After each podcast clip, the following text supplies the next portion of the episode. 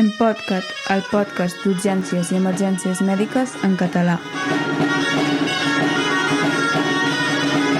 Benvingudes a un nou episodi de l'Empodcat. Aquest és el primer de la nostra segona temporada. No ens pensàvem pas arribar fins aquí, però mira, ja ha passat un any. Per aquesta segona temporada, bé, potser ja heu observat algun petit canvi amb la música de l'entradeta i pretenem anar-ne afegint alguns més. El que no canvia és el de moment, esperem que sí al llarg de l'any pugui canviar, de moment, el, aquest podcast el produïm els dos còmplices habituals. D'una banda tenim en Xavier Basurto. Bon dia, Xavi. Hola, bon dia, què tal? Pues sí, aviam, una nova temporada en podcast. Aviam si aquesta temporada també ens en sortim. Aviam què pensen els, els que ens escolten. En Xavi és metge d'urgències a l'Empordà i té un blog que és uh, urgem.cat. També em sembla que a Twitter ets arroba urgemcat i també hi ha altres coses per ahí, no? Instagram, Instagram també, és veritat. Sí, sí, tot i que Instagram costa una miqueta més de fer-lo servir, no ho faig servir gaire, però sí, bàsicament eh, en el projecte urgent.cat, allà és on tenim penjant les cosetes de difusió, de, de coneixement sobre la medicina d'urgències, i res, a l'altre costat eh, no, tenim l'Albert Oms, que és infermer de l'Hospital Transfronterer de Puigcerdà, no sé si es diu així o ja té un altre nom, perquè això que em faig un lío. Hospital Transfronterer de la Cerdanya. Això, de, de la Cerdanya, o de Cerdanya. No, no, de, de la, la Cerdanya. Aquí de la Cerdanya. De la... Hòstia, ara m'has fotut. Ah, ara ja si haureu de canviar. Ara hauré d'anar a mirar, hauré a mirar el cartell, eh? molt bé, molt bé. I res, eh, tens tota coses que vas difonent a través de Emermet Pirineus, no? Un, uh, un blog que tens uh, penjat aquí que, que la gent podem consultar. Emermetpirineus.cat .cat, també, també poneu, però bueno, això és altres coses. I molt també l'Instagram... No, Instagram no en tinc jo. Tinc Twitter, eh, emermetpirineus, arroba emermetpirineus, i també a la xarxa mastodon.cat, també arroba emermetpirineus. Bé, un cop fetes les presentacions dels habituals, comentar-vos una altra de les coses que farem noves aquesta temporada. Hem creat un canal... No, no un canal, no, perdó, un grup de Telegram, de moment ja està obert, ja hi som nosaltres dos i uns pocs oients més, en què bueno, pretenem que sigui una miqueta un grup d'aquests de compartir coneixement. I anem posant, evidentment, el que anem publicant i alguna altra de les coses que ens van semblant interessants. Eh? Algun electro d'aquests que pugui semblar interessant, algun cas viscut o alguna informació rellevant. El canal de Telegram, si entreu a Telegram i busqueu en podcast, doncs el trobareu. Ja posarem l'enllaç també a les notes de l'episodi. I avui, en aquest primer episodi d'aquesta segona temporada, eh, doncs mantindrem el mateix format de l'any passat i parlarem d'un tema principal, que ens l'explicarà el Xavi. Eh, un tema principal molt adequat per l'època de l'any que comença de fet, comença astronòmicament perquè meteorològicament ja portem unes quantes setmanes que ha començat la temporada d'estiu. Vinga, Xavi, quan vulguis, comença tu amb el tema. És un tema que cada estiu hi pensem perquè, de fet, eh, sí que es veuen casos i convé repassar-lo per la gent estigui una miqueta alerta, no? I és el tema dels efectes de la calor sobre la salut. Bàsicament, eh, només eh, em volíem recordar en aquest eh, podcast la, la versió més greu d'aquests efectes de la calor sobre la salut amb la forma del cop de calor. Sabem que el cop de calor doncs, és una patologia greu, greu, greu, molt greu que augmenta entre un 12 i un 40% dels pacients que tenen un cop de calor es moriran i també augmenta molt els ingressos eh, no programats i que això passa sobretot durant l'estiu perquè bueno, és, eh, no està relacionat això amb augments de la temperatura de forma considerable eh, almenys durant uns quants dies. Aleshores hi ha tot un grup de població que després eh, els anomenarem una miqueta per, per estar una miqueta més alerta, que són els que poden patir cops de calor.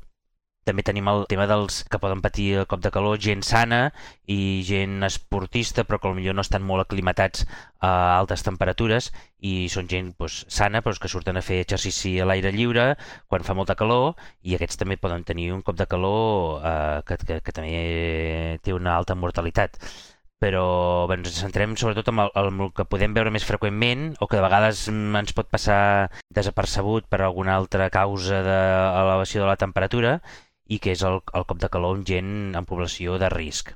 Recordem que mm, el 2003 Europa va patir una onada de calor que vam tindre com diversos dies amb unes temperatures mitjanes per sobre de 35 i que realment a tota Europa, a França molt, Sí, sí. i a Catalunya també va augmentar molt la mortalitat respecte a l'any Que a anterior. França van donar uns números Sí, sí. escandalosos, eh? que jo quan els vaig sentir parlaven de desenes de milers de morts per culpa de la calor que pensava, però, Sí, sí, però, no, no, però, és, és, és... però una barbaritat. Sí, perquè, bueno, sí, sí, a França no van saltar les alarmes fins que els dipòsits de cadàvers estaven plens i ja no hi cabia més gent i van dir aquí està passant alguna cosa. De fet, vam veure que durant aquells dies eh, va augmentar la mortalitat un 53% respecte al mateix període de l'any anterior. No sé, no, sé, els números absoluts de morts, però clar, durant uns quants dies la mortalitat eh, va augmentar un 50 i alguna per cent. I si això va passar fa vora 20 anys, ara amb, la, amb cada vegada més calor, que cada vegada comença abans i dura més, això d'anar- es repetirà cada vegada més sovint, aquestes, aquests episodis de calor. Sí, no, també per la calor i també que la població aquí al, al món occidental s'ha envellit, prenem més medicaments que anteriorment i bueno, són coses que també hi, hi ajuden. O vivim més amb problemes de, no, socials, d'aïllament i bueno, són coses que també hi ajuden. Volia recordar, el, quan parlem de cop de calor, perquè moltes vegades veiem algú doncs, que, jo que, sé, que està una mica marejat o ha fet una síncope o es troba una miqueta així a, a, amb alguna alteració per la calor i en diem un cop de calor. Pues no, això en principi no, hauria de ser, no és correcte. Quan parlem de cop de calor estem parlant d'una malaltia molt greu, amb una alta mortalitat i que és una emergència mèdica. Has de, fer, has de començar a tractar-lo de forma immediata. Això és el cop de calor. La persona que es mareja, que fa un síncope, però que, i que té una miqueta de febre, però que està bé, això no és un cop de calor, això en diem un esgotament per calor, vale? que és el, en anglès el heat exhaustion. És un esgotament per calor. Si el malalt està greu, inestable, està crític, això és un cop de calor. De- Deixem, deixem empipar-te una miqueta ara, eh? deixem fer-te una... tocar-te els nassos. Eh, quan dius de crític i tal, ens referim a què? Perquè, és clar, mm, malalts crítics són de moltes menes. És dir, què, què, defineix que sigui un cop de calor o l'esgotament per calor aquest que comentaves? Hi ha dues diferències que, en, que ens ajuden a diferenciar-los. Un és la, la temperatura corporal i l'altre és l'estat mental. Amb el cop de calor, la temperatura ha de ser per sobre de 40 graus. Val? Normalment per sobre de 40,5. En canvi, l'esgotament per calor, com a màxim, hauria de ser de 40 graus. Una diferència. Val? Si trobes algú que està a 41 graus, doncs comença't ja a pensar que és un cop de calor i no un esgotament per calor. I clínicament, a part de la temperatura, és l'afectació de l'estat mental. En l'esgotament per calor, doncs sí que és una persona doncs, que, que lògicament està a 38 de febre i pot tindre una mica de mareig, pot estar una miqueta confós, que li costa una miqueta reaccionar ràpid, sobretot si és una persona gran, no? que, vagi, que vegis tu que està una miqueta bradipsíquic, una miqueta lent, però poca cosa més i que tu li poses eh, el refredes una miqueta i en pocs minuts veus que quan li baixa una mica la temperatura pues, es recupera bé i ja està. Vale? Si té poca afectació a nivell de, de l'estat mental, a nivell del sistema nerviós central. En canvi, el cop de calor és una persona que tu te'l trobaràs a més de 40 graus i pot tindre qualsevol alteració de l'estat mental més que un simple mareig o una mica de somnolència, vale? ja el trobes pues, eh, agitat, irritable, pues, que no parla bé, que està molt confós, que convulsiona, que està comatós, veus que aquella persona té febre i, i està amb una alteració de mental de forma im- important. Què més? A nivell de via respiratòria, de, de via aèria, el, cop de calor és un pacient que si està comatós o està convulsionant, doncs, doncs pot tindre la via aèria eh, compromesa i has de fer-hi alguna cosa. El trobaràs taquimneic. En l'esgotament de per calor, normalment el pacient està en Glasgow 15 o Glasgow 14 si m'apures i té els de, el reflexe de deglució conservat i no té cap problema, pot anar una miqueta taquimneic i taquicàrdic, però res més. A nivell de circulatori, el, el cop de calor te'l trobaràs eh, taquicàrdic i potents molt sovint. Segurament deshidratat, vale? no, no té per què ser, no és que sigui un pacient que hagi perdut molt de volum, però eh, fàcilment el pots trobar deshidratat, més que no pas l'esgotament per calor. L'esgotament per calor normalment el trobaràs amb unes tensions normals, eh? mentre que el cop de calor fàcilment te'l trobaràs hipotens. I el cop de calor, si l'auscultes, notaràs uns crepitants, que són uns crepitants d'un edema agut de pulmó que no és cardiogènic. L'esgotament per calor, l'escoltació pulmonar hauria de ser normal. Una altra cosa que ens pot ajudar una miqueta és l'estat de la pell, Val? En l'esgotament per calor, mm, el pacient té la capacitat de suar i amb això doncs, elimines eh, temperatura. Val? Mantens el, els, els sistemes de termorregulació funcionen. Val? Trobes el, el pacient que està suat i això li permet mantenir una temperatura que no pugi per sobre de 40 graus. En canvi, en el cop de calor, fàcilment el pacient no té per què ser, no és una condició indispensable, però la pell estarà més seca, perquè en aquí, en aquí a diferència de l'esgotament per calor, sí que els sistemes, els mecanismes de termorregulació que tenim han fallat, no funcionen i el pacient doncs, està a 40, 41 graus, 41 i mig i, i això té efectes sobre el sistema nerviós central que poden ser letals. A la pell també mira si hi ha lesions d'alteració de la coagulació, no? mirant si hi ha patèquies, equimosis, eh, que això ho veuràs en el, en el cop de calor. En l'esgotament de per calor no ho trobaràs l'esgotament per calor normalment, com que si li dones una mica el refresc, que el poses en un ambient més fred, li dones eh, líquids freds i en poca estona millora, no li, normalment no li hauràs de fer cap analítica. En l'esgotament, en el cop de calor sí que pot ser que fàcilment trobaràs emanació làctica si és un cop de calor per exercici físic, canvis del potassi, pots trobar hipoglicèmies, hiperglicèmies, rabdomiòlisis, no? has de mirar les TPKs perquè sobretot en els, en els cops de calor per exercici físic tindràs una rabdomiòlisi que pot ser important, insuficiència renal, ponatrèmies, hi ha canvis hidroelectrolítics importants en el cop de calor. Què més? Altra clínica a part del sistema nerviós central, doncs, eh, lògicament en l'esgotament per calor trobaràs la persona que pot tindre no? una mica de mal de cap, una mica de nàusees, una mica de debilitat. En canvi, en el, en el cop de calor doncs, el pacient està més afectat, amb vòmits, diarrea, insuficiència renal, pot tindre afectació de diferents òrgans. No? És, eh, és, si continua i no el refredes ràpid, sí que el pacient doncs, fa insuficiència renal, insuficiència hepàtica, insuficiència cardíaca, coagulació, coagulació intravascular disseminada i ja s'acaba morint, val? si no fas alguna cosa. La mortalitat, com hem dit abans, eh, pot ser important. En el cop de calor normal, el clàssic, que és el que afecta sobretot a, a població de risc, la mortalitat pot ser fins al 60%. déu nhi I es relaciona amb la temperatura inicial, o sigui, quan més alt el trobis d'entrada, doncs, més risc de que es mori, i amb el temps a iniciar el refredament. Val? I el número d'òrgans que vegis tu que estan afectats. Són les tres coses que pronostiquen de dir doncs, aquest, aquesta persona té molts números d'acabar malament o no. En canvi, el cop de calor, que és per exercici físic, aquests com que els, els detectaràs fàcilment, no, no, hi ha de tot, eh? però els detectaràs no? que estan fent exercici físic, segurament acompanyats d'algú, i veuen que perd el coneixement, que, que, que està confós, que està agitat, i ràpidament demanaran assistència mèdica, i aquests si els refredes ràpid, la mortalitat, la veritat és que és, és baixa. No, no és que sigui despreciable, però si actues ràpidament i de forma enèrgica, com que és una persona que eh, estava fent exercici, per tant se suposa que relativament està en bon estat de salut, doncs no hauria d'anar malament. Per tant, eh, d'entrada, quan vegis amb algú... La, la cosa és eh, identificar ràpidament aquests pacients. Quan tu, quan tu vegis algú que està eh, a 40 graus, doncs ràpidament pensar-te que si estàs a l'estiu i és un, uh, un pacient que està dins una població de risc, ara veurem, pues, ràpidament pensar que pot ser un cop de calor. Però suposo que a més a més del cop de calor, bueno, suposo no, és evident que a més a més del cop de calor hi ha gent que també els trobem a 40 graus i no és pel cop de calor. Exacte.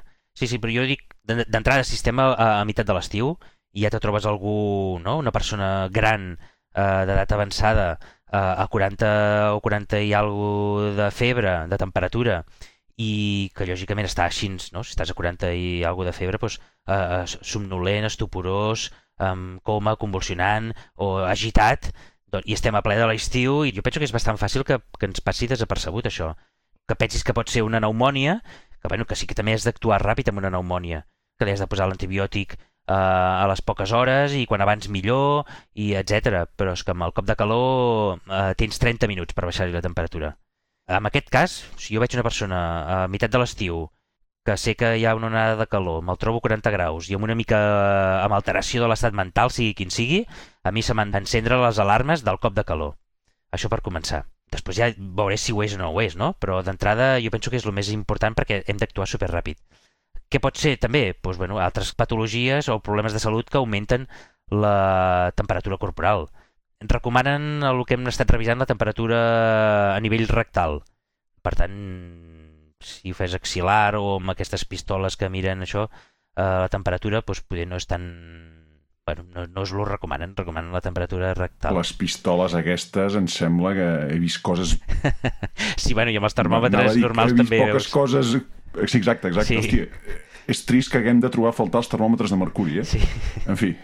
Eh, sí, va. no sé. No Ara sé. m'acabo de sentir vell amb això. Va, fot-li, fot-li. Sí, hi ha molta gent que ja no els avisa els termòmetres de mercuri, almenys a l'hospital, no sé. Um, lògicament, si temperatures elevades, doncs pensar que pot ser una, qualsevol tipus d'infecció, no? Temperatures elevades i, i alteració de l'estat mental, doncs una meningitis, una encefalitis, un paludisme, no? Causes endocrines, un feocromocitoma, una, problemes del tiroides, no? Una tirotoxicosi, no? Malaltia de graves, afectació de l'estat mental, no? Si un estat, un estat epilèptic, una hemorràgia cerebral, cerebral també pot provocar augment de temperatura corporal.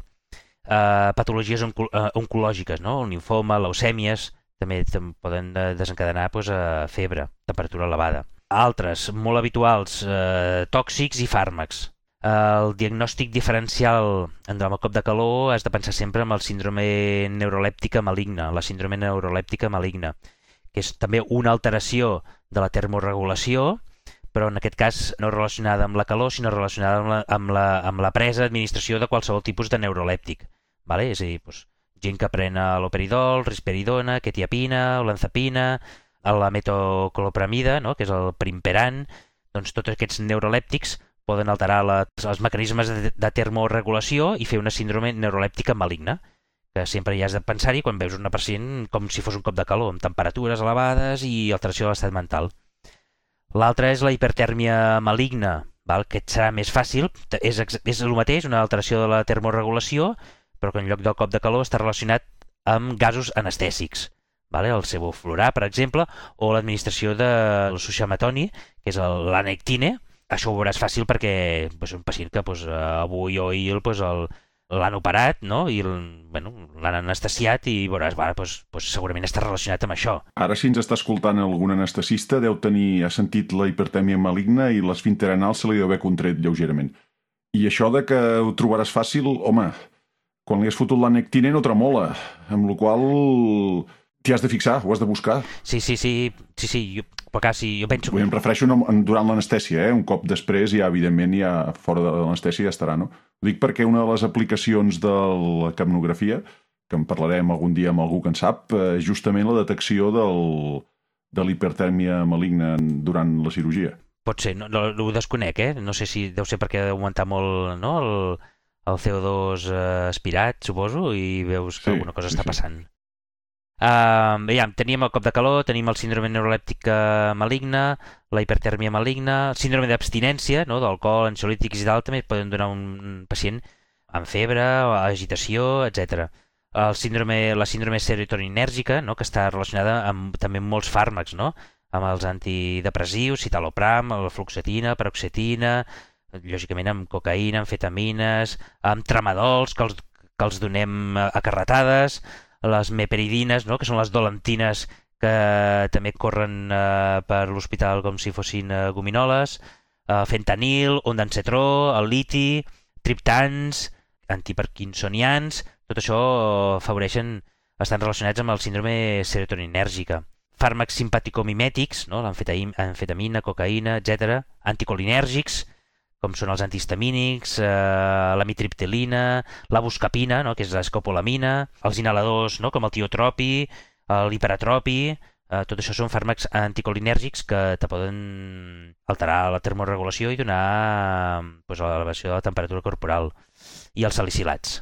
És a dir, això són el diagnòstic diferencial de quan veus una persona pues, a temperatura 40 i amb alteració d'algun tipus d'alteració de l'estat eh, mental. T'has de plantejar que a part del cop de calor, que jo seria el que primer que em passaria pel cap si estem a, a, a ple juliol o en plena onada de calor, eh, si això ho descartes o no t'ho sembla, doncs pensar en aquests altres síndromes i fàrmacs i infeccions, causes endocrines, oncològiques, etc Uh -huh. lògicament, abans pues, diferenciar no? si és un simple esgotament per calor, perquè s'ha marejat, ha fet una síncope, s'ha recuperat i està bé, o realment estem en una situació de cop de calor, eh? situació greu i mortal.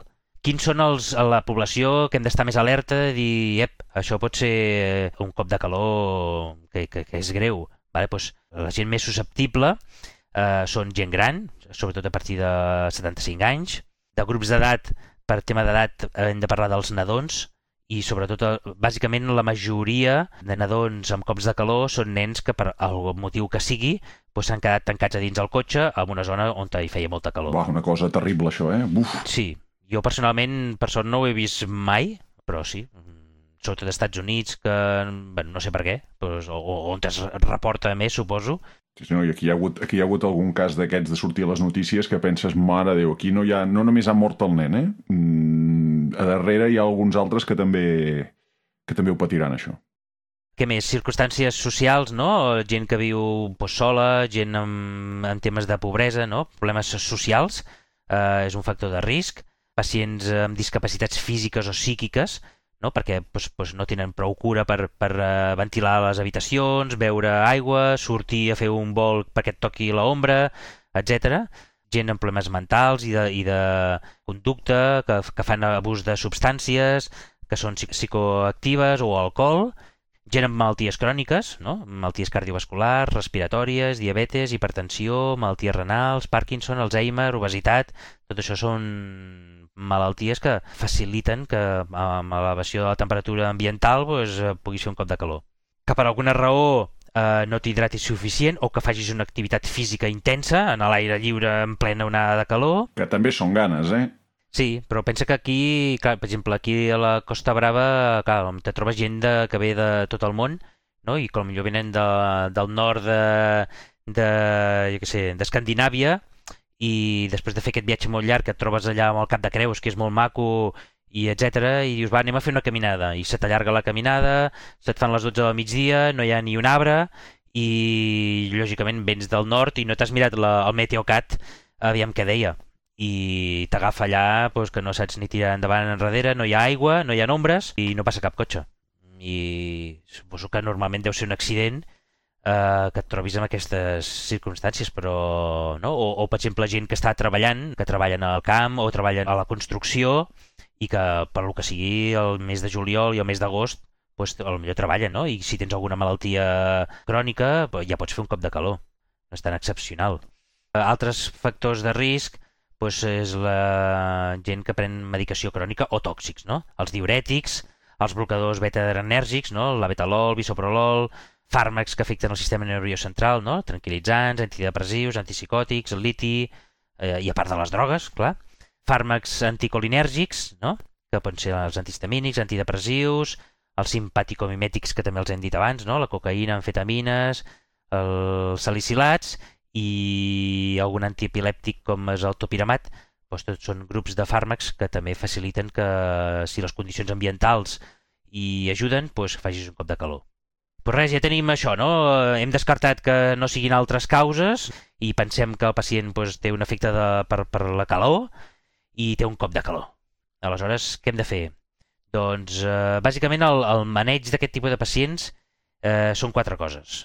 Identificar-lo molt ràpidament, refredar-lo molt ràpidament i de forma, a ser possible, intensa, després tractar les alteracions hidroelectrolítiques que hem dit que tenien i eh, intentar fer tractament de suport de les, dels problemes que li aniran passant al pacient. Identificar-ho de forma, el primer que hem dit, identificar-ho de forma ràpida, eh? és el que hem dit al principi i insistim. Sobretot passa al principi de l'estiu, no? que potser la, la gent encara no està aclimatada a passejar o, o, o a dormir amb temperatures de 30 graus, doncs les primeres onades de calor o quan comença a pujar la, la temperatura és quan més fàcil que puguis tindre un cop de calor. Un cop ja estàs acostumat i estem al setembre, pues, bueno, pues, eh, és més difícil. Però bueno, identificació ràpida, vale? qualsevol a l'estiu, una persona més de 40 graus de temperatura corporal a nivell rectal i alguna alteració de l'estat mental, eh, activar les alarmes del cop de calor. Després ja veurem si ho és, si no ho és, o el que sigui, però se t'ha d'il·luminar una bandera vermella i tothom a posar-se les piles perquè tenim minuts, vale? perquè el segon pilar fonamental és el refredament immediat i ràpid tan bon punt tinguis l'ABC controlat del pacient, tens 30 minuts per aconseguir baixar-li la temperatura a nivells de seguretat. Possiblement aquests nivells han de ser per sota de 40 o 39. No queda molt clar, depèn on te consultes, te diuen que has de baixar el pacient a temperatures de normals, de 36 i alguna i depèn d'on te consultes, te diuen que menys de 39, vale? 38 i 8, doncs ja és suficient per, per nivells de seguretat. Ja, suposo que el que no hauries de fer és passar-te de frenada, no? És a dir, passar d'hipertèrmia a hipotèrmia. Sí, sí, que potser si el fas baixar massa, massa ràpid i massa a 36 graus, doncs potser després doncs et continua baixant i, i al final tindràs a 35 graus el pacient. No, no, no queda clar, no queda clar, eh? I la qüestió és com, com a mínim a 38 i mig els has de baixar. Menys, menys de 39, val? I això tens 30 minuts. Per perdre temperatura hi ha diferents sistemes, no? que hauríem de repassar una miqueta de temes de física. Tenim la conducció, evaporació, radiació, etc. El sistema més ràpid i més eficient és la conducció. I això ho aconsegueixes que el pacient estigui en contacte directe amb la pell amb alguna cosa que li eh, absorbeixi la temperatura, i això és l'aigua freda. Val? Per tant, el sistema més efectiu, i si ho tens disponible i, i ho pots fer-ho, doncs, és posar el pacient a dins eh, amb aigua gelada. Gelada vol dir aigua i gel, i que la temperatura estigui 2-3 graus. Vale? Això és aigua molt i molt freda. Molt freda, eh? Uf, uf, uf. Molt freda. 2-3 graus, si m'hi poses a mi, jo penso que només del susto... Dos, tres graus és, és terrorífic, eh? Sí, sí. És, és gel amb, amb aigua per, per fer una miqueta més fluid. Però... Sí, sí, dos, tres graus. Eh? Aigua gelada. Clar, això té els seus, els seus problemes. Primera, que no tenim habitualment no unes banyeres, eh, no sé, en altres urgències no tenim una banyera. I a més a més, és un pacient que millor si ja el tens una miqueta agitat i a sobre el poses a dins amb una aigua gelada, molt tranquil no es quedarà. Eh, per tant, serà difícil, un pacient que tindràs difícil de controlar-lo uh, menys monitori, uh, monitorar-lo. Uh, li has de posar un, un, uh, un monitor, el braçal pneumàtic, uh, el pulsi, um, i això dins una banyera amb aigua i amb gel és com una mica complicat. Aquí, amb això de les banyeres, de, mentre, bueno, que sabia que havíem de parlar d'això avui, eh, m'he documentat una miqueta i també alguna de les coses... També hi havia pensat en el seu moment al, meu hospital de com manegar això. Um, Estats Units, ara no recordo quin esport és, no sé si és futbol americà, a partir de no sé quines categories els, les instal·lacions estan obligades a tenir una banyera amb una màquina trituradora de gel al costat, justament per això, per, eh, per als jugadors quan a la mínima que sospiten, perquè hi ha hagut bastanta, bueno, sí, suficients desgràcies com perquè s'ho hagin plantejat i ho hagin fet obligatori, de fotre'ls a dins la banyera mentre esperes... La... O sigui, tu vises l'ambulància i fots el jugador a la banyera i la màquina de picar gel al costat, la trituradora de gel, per... A tope. Per fotre-li. O sigui, ja, ja extrahospitalàriament, per això que dius que s'ha d'anar de pressa, doncs extrahospitalàriament ja foten els jugadors i ja els, sí, sí. I, i, ja els fiquen allà. I en maratons, que també allò típic marató que hi ha 5.000, 10.000, 20.000 persones corrents, encara que no estiguem en èpoques de calor, també penso, no ho sé del cert, però sé que als Estats Units em dóna la sensació que, que tenen com a obligació ja tindre, almenys en, en alguna zona, doncs, banyeres i aigua i gel, perquè encara que no hi hagi època de calor, es, doncs, bé, no? doncs hi ha casos de, de cop de calor eh, per l'exercici físic, en aquest cas seria. Veus, i el de la banyera, nosaltres disposem, tenim un bany assistit, i pel bany assistit ens van comprar una mena de llitera amb branes, una llitera tot plastificat amb branes, que en el fons és una banyera petita. I amb les branes, i, i bueno, nosaltres podríem posar-lo a dins. El que, que comentaves tu de la monitorització és el que em tira enrere. Perquè sí, és clar, jo el puc submergir, mig submergir, és a dir, no, no el puc submergir del tot, però mig cos sí, perquè hi ha aquests 10 centímetres d'alçada de, la, de les branes, però, és clar, tot està moll, amb la qual tota la monitorització, no sé, ja l'estic veient posant-li els electrodes d'electrocardiograma fotent-li dos al cap, saps? una a cada costat, que no, crec que no funcionarà, però bueno, mira, podem provar algun dia aquests. Bueno, li pots, ja li pots deixar els avantbraços a fora i posar-li el braçal pneumàtic amb un braç i el pulsi. També. Bueno, els electrodes potser és més complicat, però bueno, de, també depèn com estigui el malalt, perquè si, millor si hemodinàmicament no està inestable, doncs millor sí que ho pots fer-ho, no, no, és desca, no, és, no és descabellat. Però bueno, tenim que aquest seria el sistema més uh, ràpid i més, uh, i més eficient. Submergir el pacient amb aigua freda, freda, freda, el més freda que puguis. Si ara parlem de nivell extrahospitalària, penseu això, fer el possible, que ara ho explicarem, però no ens hem d'esperar a arribar a l'hospital ni que vingui una avançada ni a res. De les, el primer que vegi que el pacient està a 40 graus i amb alteració de l'estat mental, ràpidament començar a fer coses abans de res, un, un, després de l'ABC, lògicament, però no cal esperar a l'hospital ni que vingui ningú més per començar a refredar el pacient, eh? És important això. Si no disposem d'això, una banyera amb aigua freda i tal, doncs tenim altres, altres sistemes com refredar o perdre temperatura a través de convecció i evaporació. Això què vol dir? Doncs, eh, treure tota la roba del malalt i després amb, un, amb tirar-li aigua però pulveritzada, o sigui, com si fos una, com si fos una boira, no? com si fos, no? amb algun sistema d'esprai, pulveritzar, no, no tirar-li aigua directament, sinó intentar tindre algun sistema, doncs, pulveritzar aigua. El que veius tu quan de vegades vas a un restaurant, a una terrassa, que hi ha un ventilador que, que treu una, una boira d'aigua, de, de micropartícules d'aigua, doncs exactament això.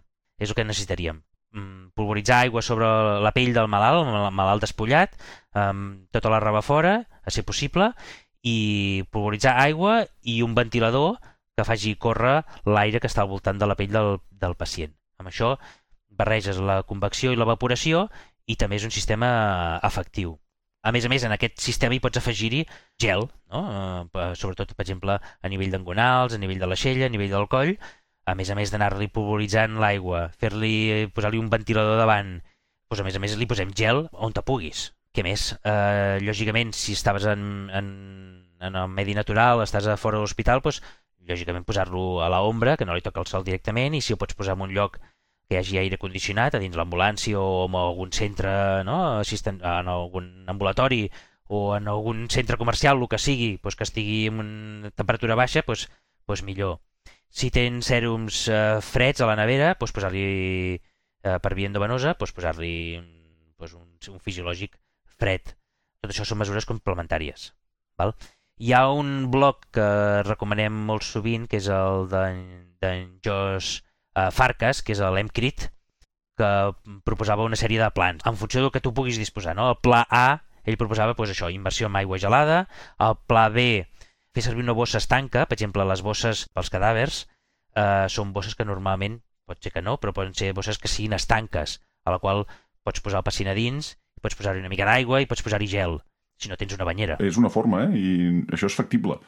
I extrahospitalàriament també es podria fer, clar. Pel trasllat, clar, aquí la gràcia és tenir la bossa. Una altra forma seria, per exemple, el posar el pacient sobre una lona de plàstic i aquesta lona de plàstic, mm, el pacient posar-lo sobre i anar-hi tirant gel. Clar, si tens gel amb glaçons molt grossos, doncs això fa, no, no dona bon contacte amb, la super, amb molta superfície corporal. L'ideal seria que fos gel, gel triturat. Val?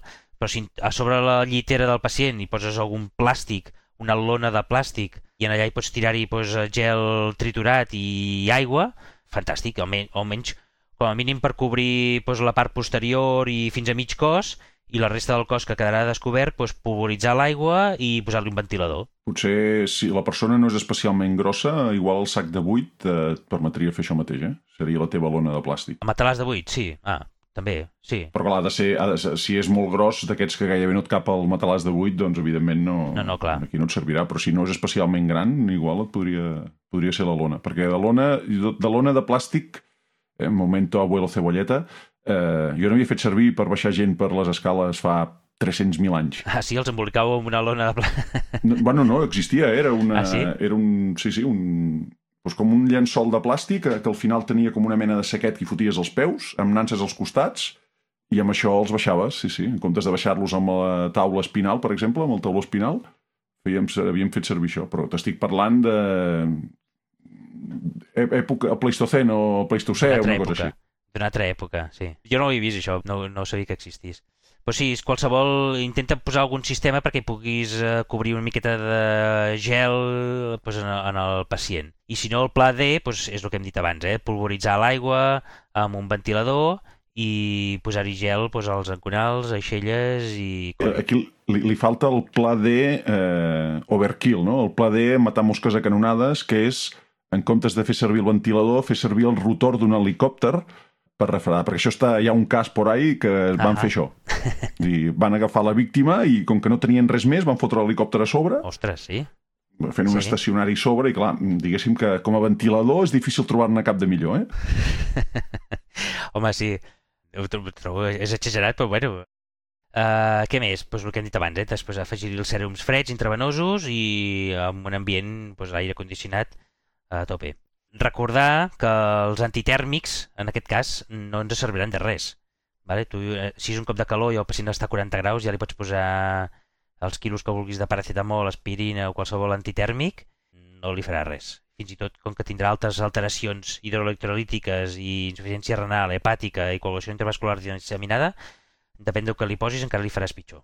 Pues aquest és el, la clau, seria això, identificació ràpida i actuació ràpida, refredar-lo pues en el minut 0 amb els sistemes que disposis pues, començar ja a, a fer coses perquè el pacient baixi la temperatura. I a mesura que vagis tenint, pues, si pots eh, accelerar aquest refredament, pues millor. Quan més ràpid puguis refredar el pacient, menys mortalitat tindràs. Aleshores, hem dit que un pacient que eh, el tercer pilar del tractament eren les alteracions hidroelectrolítiques. Hem dit que hi havia problemes de, que si de glucosa, sodi, potassi, eh, acidosi làctica, d'insuficiència renal, tindrà molta leucocitosi, eh, potassi, eh, etc. Bueno, són coses que hem d'anar a nivell hidroelectrolític doncs, doncs anar repetint analítiques i anar-les intentant corregir com corregiríem amb un altre pacient, eh? no, no, no, és, no és diferent.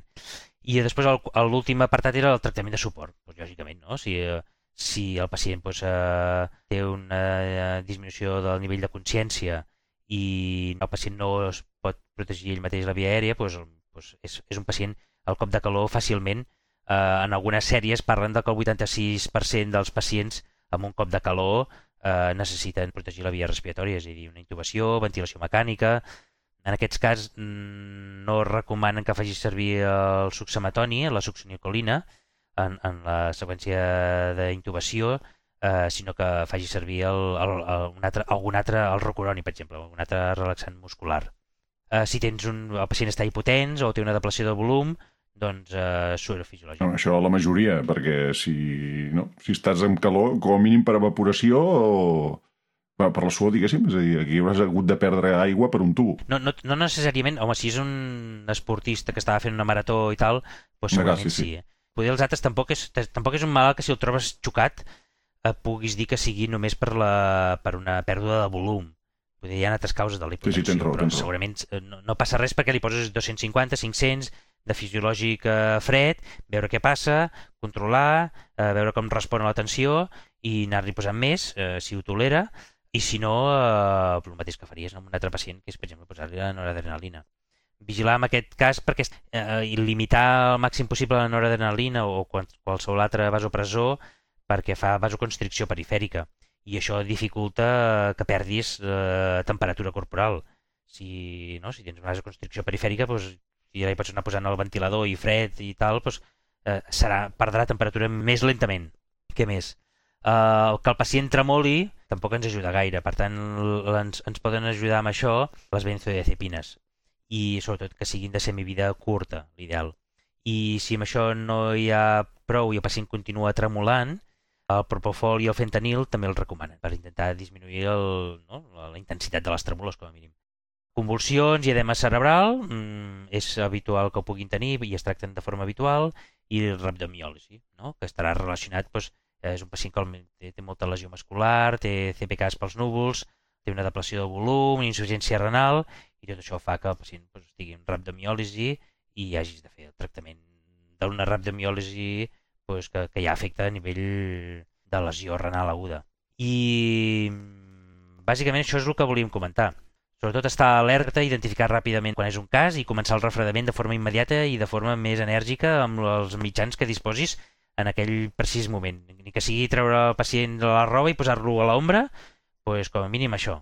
Maneig de les complicacions que van apareixent, de les alteracions hidro hidroelectrolítiques i d'entrada no cal que li posis antitèrmics perquè no te, no te servien de res. És un pacient que fàcilment necessitarà intubació orotraqueal i ventilació mecànica i si no és un pacient que, que és un pacient que tindrà eh, alteracions importants i per tant és un pacient que fàcilment eh, de seguida que el detectis mm, hauries d'intentar contactar si no disposes del teu centre amb, la, amb una UCI perquè és un pacient que fàcilment necessitarà estar en una UCI jo penso que en el pacient, sobretot en el, en el jove que ve per un esforç físic, és molt fàcil que, que ens posem les piles i que la cosa vagi ràpida i millor. En els pacients d'edat avançada o molt avançada que venen amb febre és més complicat i jo penso que en aquests casos és els que ens deuen passar molt desapercebuts i estic segur que n'hem vist molts o més d'un cop de calor amb gent gran, amb gent que ja tenen algun deterior cognitiu previ i que ho atribueixes a la febre, a, a una placa de tòrax que no t'acaba de veure si hi ha una pneumònia o no, o, o un sediment d'orina amb uns quants leucos i ho, ho atribuïm a això i, i resulta que tenia una altra causa eh, molt més letal i, i molt més ràpida. Penso que deu ser la majoria de, de casos que se'ns passen desapercebuts i que finalment acaben, acaben malament. Molt bé. Jo només voldria afegir prevenció.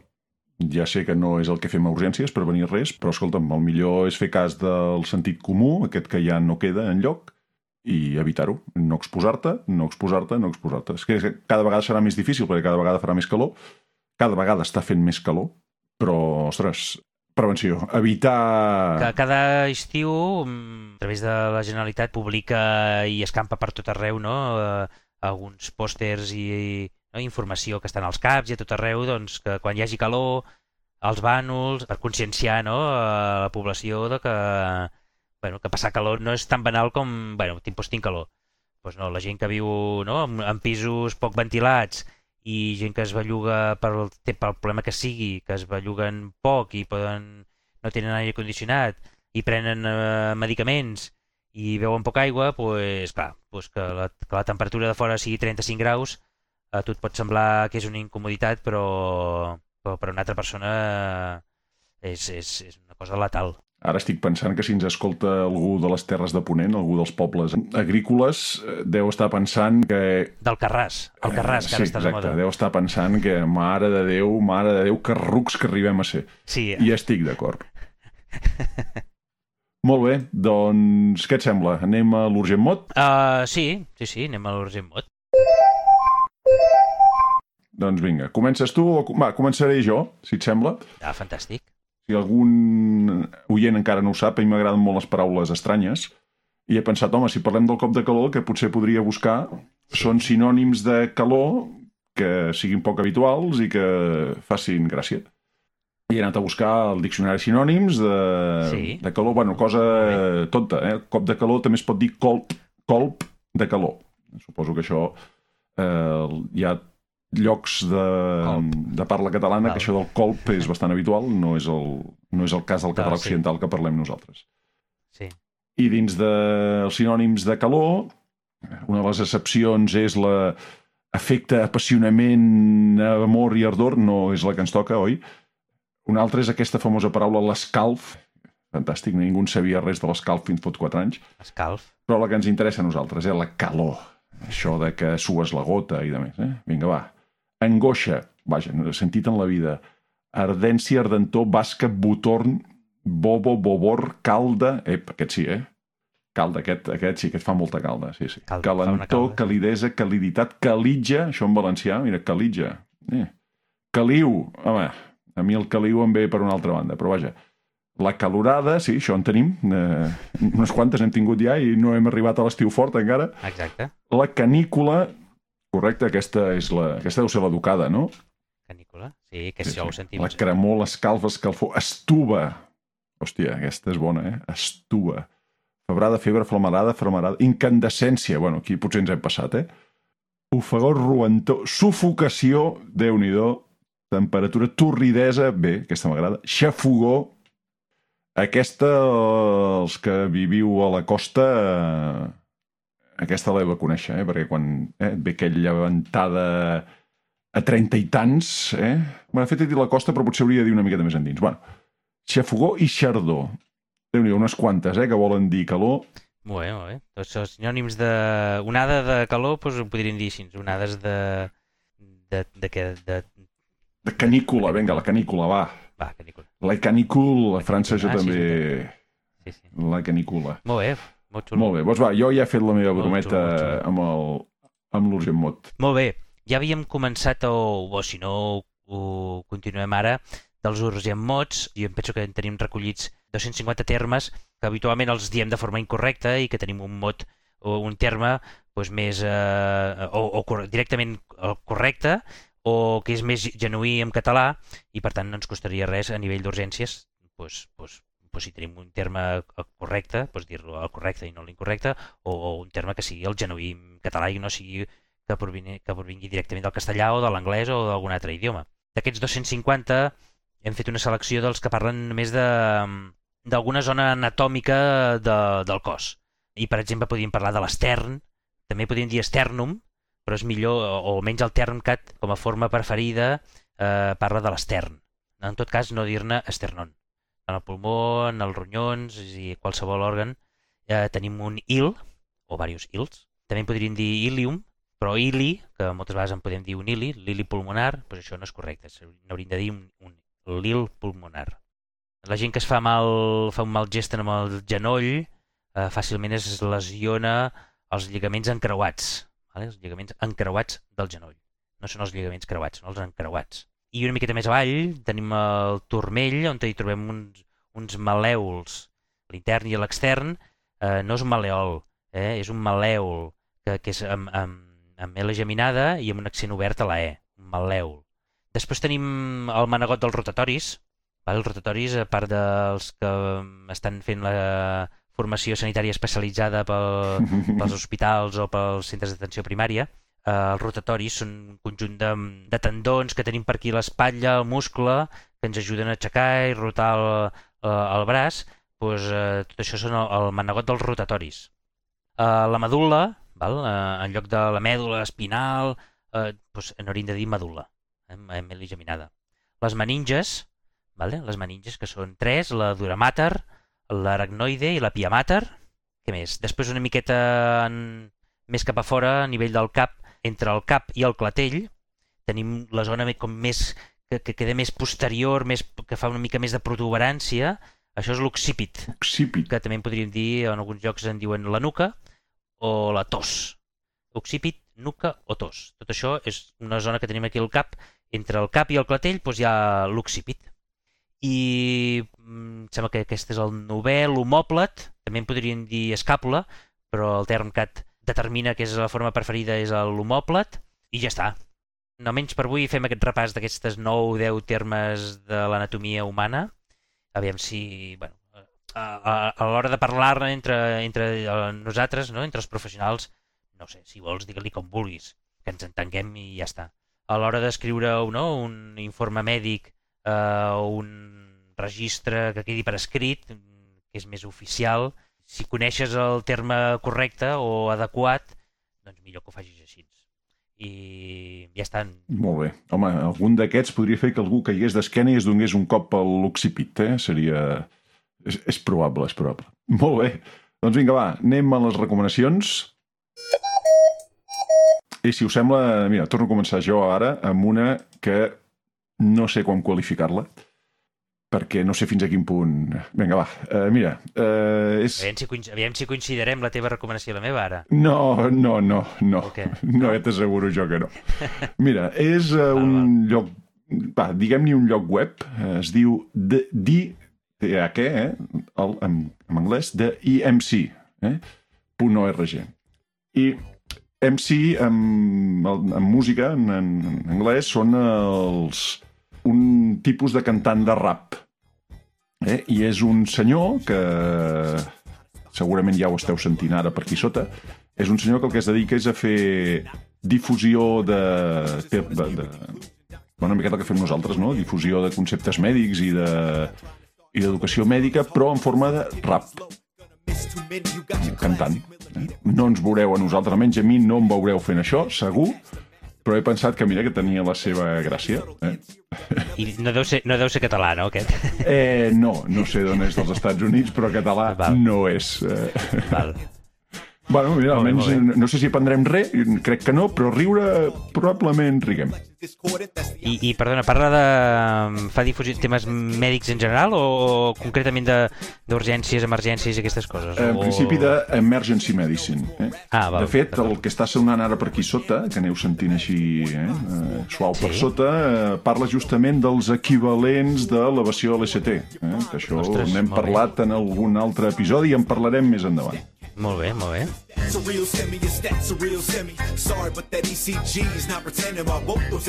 Bueno, doncs estarà, Vinga. està molt bé. Així. I tu què tens, Xavi? Uh, doncs mira, sí, jo tenia un... Tinc un parell de recomanacions, però... Bueno, hi ha alguna que ens la guardarem per més endavant, però jo ara volia, avui parlia, volia parlar de, que crec que no, si ho hem fet me corregeixes, Albert, del preclic. Jo diria que no ho hem fet, almenys crec que no n'hem parlat del preclic. No hem parlat del preclic, però eh, sí que hem parlat d'alguna de, de la gent que hi ha haver aquí darrere, que aquests són els de Múrcia, els de la medicina basada en l'evidència, em sembla, no? Sí, bueno, el, el preclic són de València.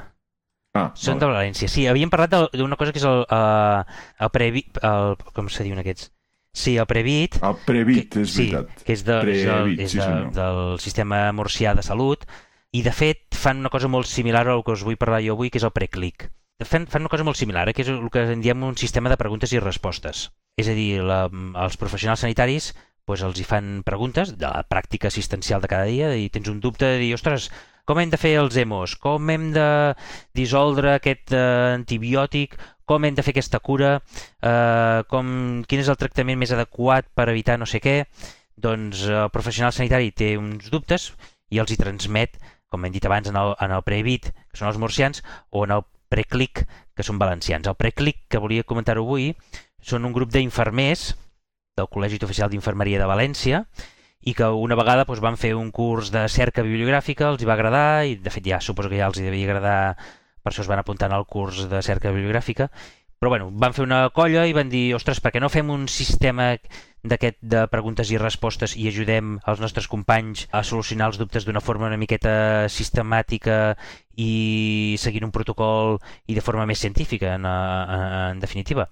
I bueno, doncs el 2015 doncs ja van començar a fer aquest, bueno, organitzar-se per, per ajudar els companys a respondre a dubtes. I aleshores és el que fan, cada dijous més o menys ells van rebent preguntes que els hi van fent els companys per correu electrònic o per on sigui i els diuen, escolta'm, això com ho... què diu la ciència, que, com s'ha de fer això que us he dit abans, eh?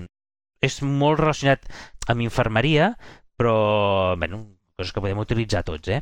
Doncs els envien les preguntes i ells tenen tot una, una sistemàtica que val la pena veure-la i bueno, doncs, eh, són tres o quatre i, i, i fan doncs, tota una cerca bibliogràfica molt ben feta, estructurada, eh, seguint una cosa que és la piràmide de Haines, que si voleu algun dia en parlem, i miren si hi ha algun document, alguna recerca científica que justament dongui resposta al dubte que els hi han plantejat.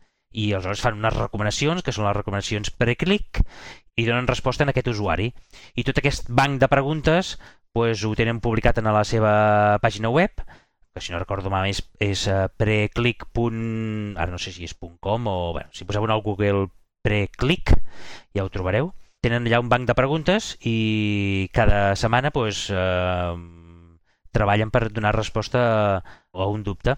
A mi me sembla interessant, primera perquè si tu tens un dubte, pues, vés a mirar aviam si aquesta gent algú ja els hi ha proposat aquell dubte i ja tenen una resposta i aquesta resposta està relativament actualitzada perquè potser això, que això ho fan des de fa 5, 6, 7 anys val? depèn de quin sigui el dubte si han passat 5 anys podria estar una mica obsoleta la, la, la cerca bibliogràfica però bueno, si tu tens un dubte doncs miren, a, a part de fer una cerca bibliogràfica també inclou mirant aquests sistemes de preguntes i respostes i l'altra cosa perquè me sembla interessant perquè ells t'expliquen com han fet la cerca bibliogràfica val? aleshores si tu et vols acostumar i aprendre una miqueta, i has fet un curs de cerca bibliogràfica i vols mantenir-te al dia i veure què hi ha de nou o on es va buscar la, una bona informació vàlida i que sigui rellevant, doncs eh, ells t'expliquen com han fet la, com han buscat la informació. I si t'hi fixes en això, com ho han fet ells, doncs tu seràs capaç de fer-ho també a casa en, en algun moment, de forma no tan rigorosa com fan ells, però també seràs capaç de fer-ho. I a més a més també fan un cop al mes, eh, fan una altra cosa que també és interessant, que és fer una lectura crítica d'un estudi. Troben algun article en les cerques bibliogràfiques que han fet durant la setmana o durant el mes que els ha semblat interessant, no? perquè ha sortit un nou estudi que parla de no sé què, una guia de pràctica clínica, i els sembla interessant pues, fer-ne una lectura crítica, que se'n diu, no? és a dir, intentar buscar-li tres peus al gat en aquell estudi, veure si és, si és vàlid, si és rellevant, quins punts febles té, quines, quines fortaleses té i, en definitiva, fer una, una bona lectura d'un article científic. Això ho fan en directe a través de, si no m'equivoco, no, ho fan a través de YouTube i els pots seguir tu en directe i pots participar-hi i si no després ho pengen també en un, en un banc de lectures crítiques d'aquestes i les pots veure en diferit eh, tranquil·lament i serveix per el mateix, eh? vull dir, per, per veure aquell estudi, o potser és un estudi que tu també t'interessa llegir-lo i, i saber exactament si és vàlid o no i l'altre motiu d'escoltar-ho és perquè així t'acostumes i veus com es fa una, una bona lectura crítica d'un estudi que, es, que, que té una, tot,